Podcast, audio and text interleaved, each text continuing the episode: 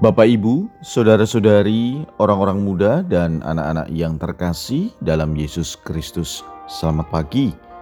Salam bahagia dan salam seroja untuk kita semua berkah dalam.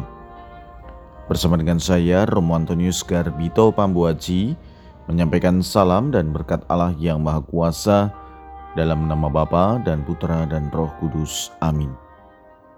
Hari ini Rabu 26 Januari dalam hari biasa pekan biasa ketiga bertepatan dengan peringatan wajib Santo Timotius dan Titus Uskup. Bacaan pertama dalam liturgi hari ini diambil dari surat kedua Rasul Paulus kepada Timotius, bab 1 ayat 1 sampai dengan 8. Bacaan Injil diambil dari Injil Lukas bab 10 ayat 1 sampai dengan 9. Pada suatu hari Tuhan menunjuk 70 murid lalu mengutus mereka berdua-dua mendahuluinya ke setiap kota dan tempat yang hendak dikunjunginya. Katanya kepada mereka, Tuhan memang banyak tetapi sedikitlah pekerjanya. Karena itu mintalah kepada Tuhan yang empunya tuayan supaya ia mengirimkan pekerja-pekerja untuk tuayan itu. Pergilah, camkanlah, aku mengutus kamu seperti anak domba ke tengah-tengah serigala. Janganlah membawa pundi-pundi atau bekal atau kasut, dan janganlah memberi salam kepada siapa pun selama dalam perjalanan kalau kamu memasuki satu rumah, katakanlah lebih dahulu, damai sejahtera bagi rumah ini. Dan jika di situ ada orang yang layak menerima damai sejahtera, maka salamu itu akan tinggal padanya. Tetapi jika tidak, salamu itu akan kembali kepadamu.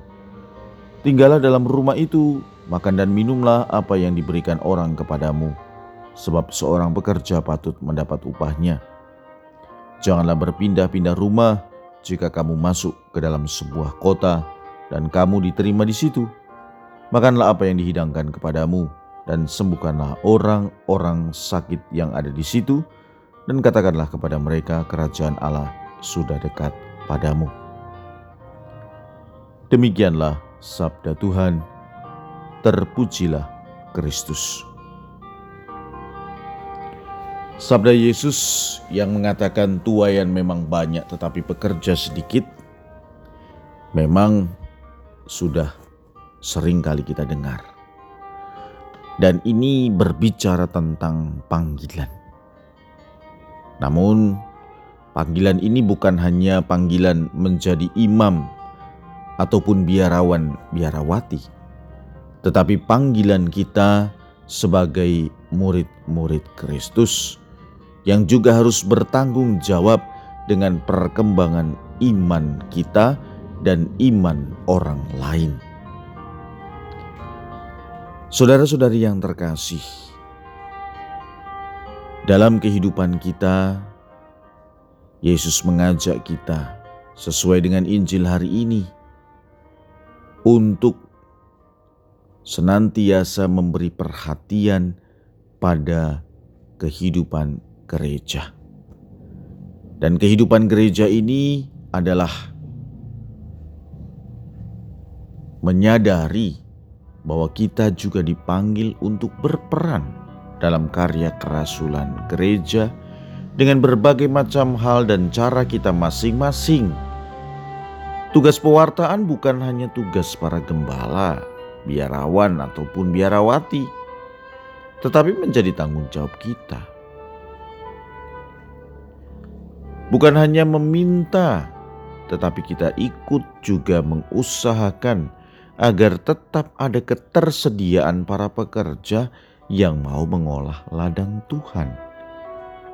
Apakah diri kita sendiri ataupun juga orang lain? Misalnya dengan memberi perhatian bagi pendidikan calon imam, biarawan, dan biarawati. Hendaknya pula kita tidak memaksakan orang lain untuk terlibat tetapi bertanya pada diri sendiri, apakah saya sudah ikut ambil bagian dalam mengusahakannya? Marilah kita berdoa. Ya Tuhan yang Maha Bijaksana, semoga kami senantiasa mau melibatkan diri kami untuk mengusahakan semakin banyak mereka yang terpanggil bagi para pekerjamu, agar semakin banyak berkat yang kami terima darimu. Berkat Allah yang Maha Kuasa, dalam nama Bapa dan Putra dan Roh Kudus. Amin.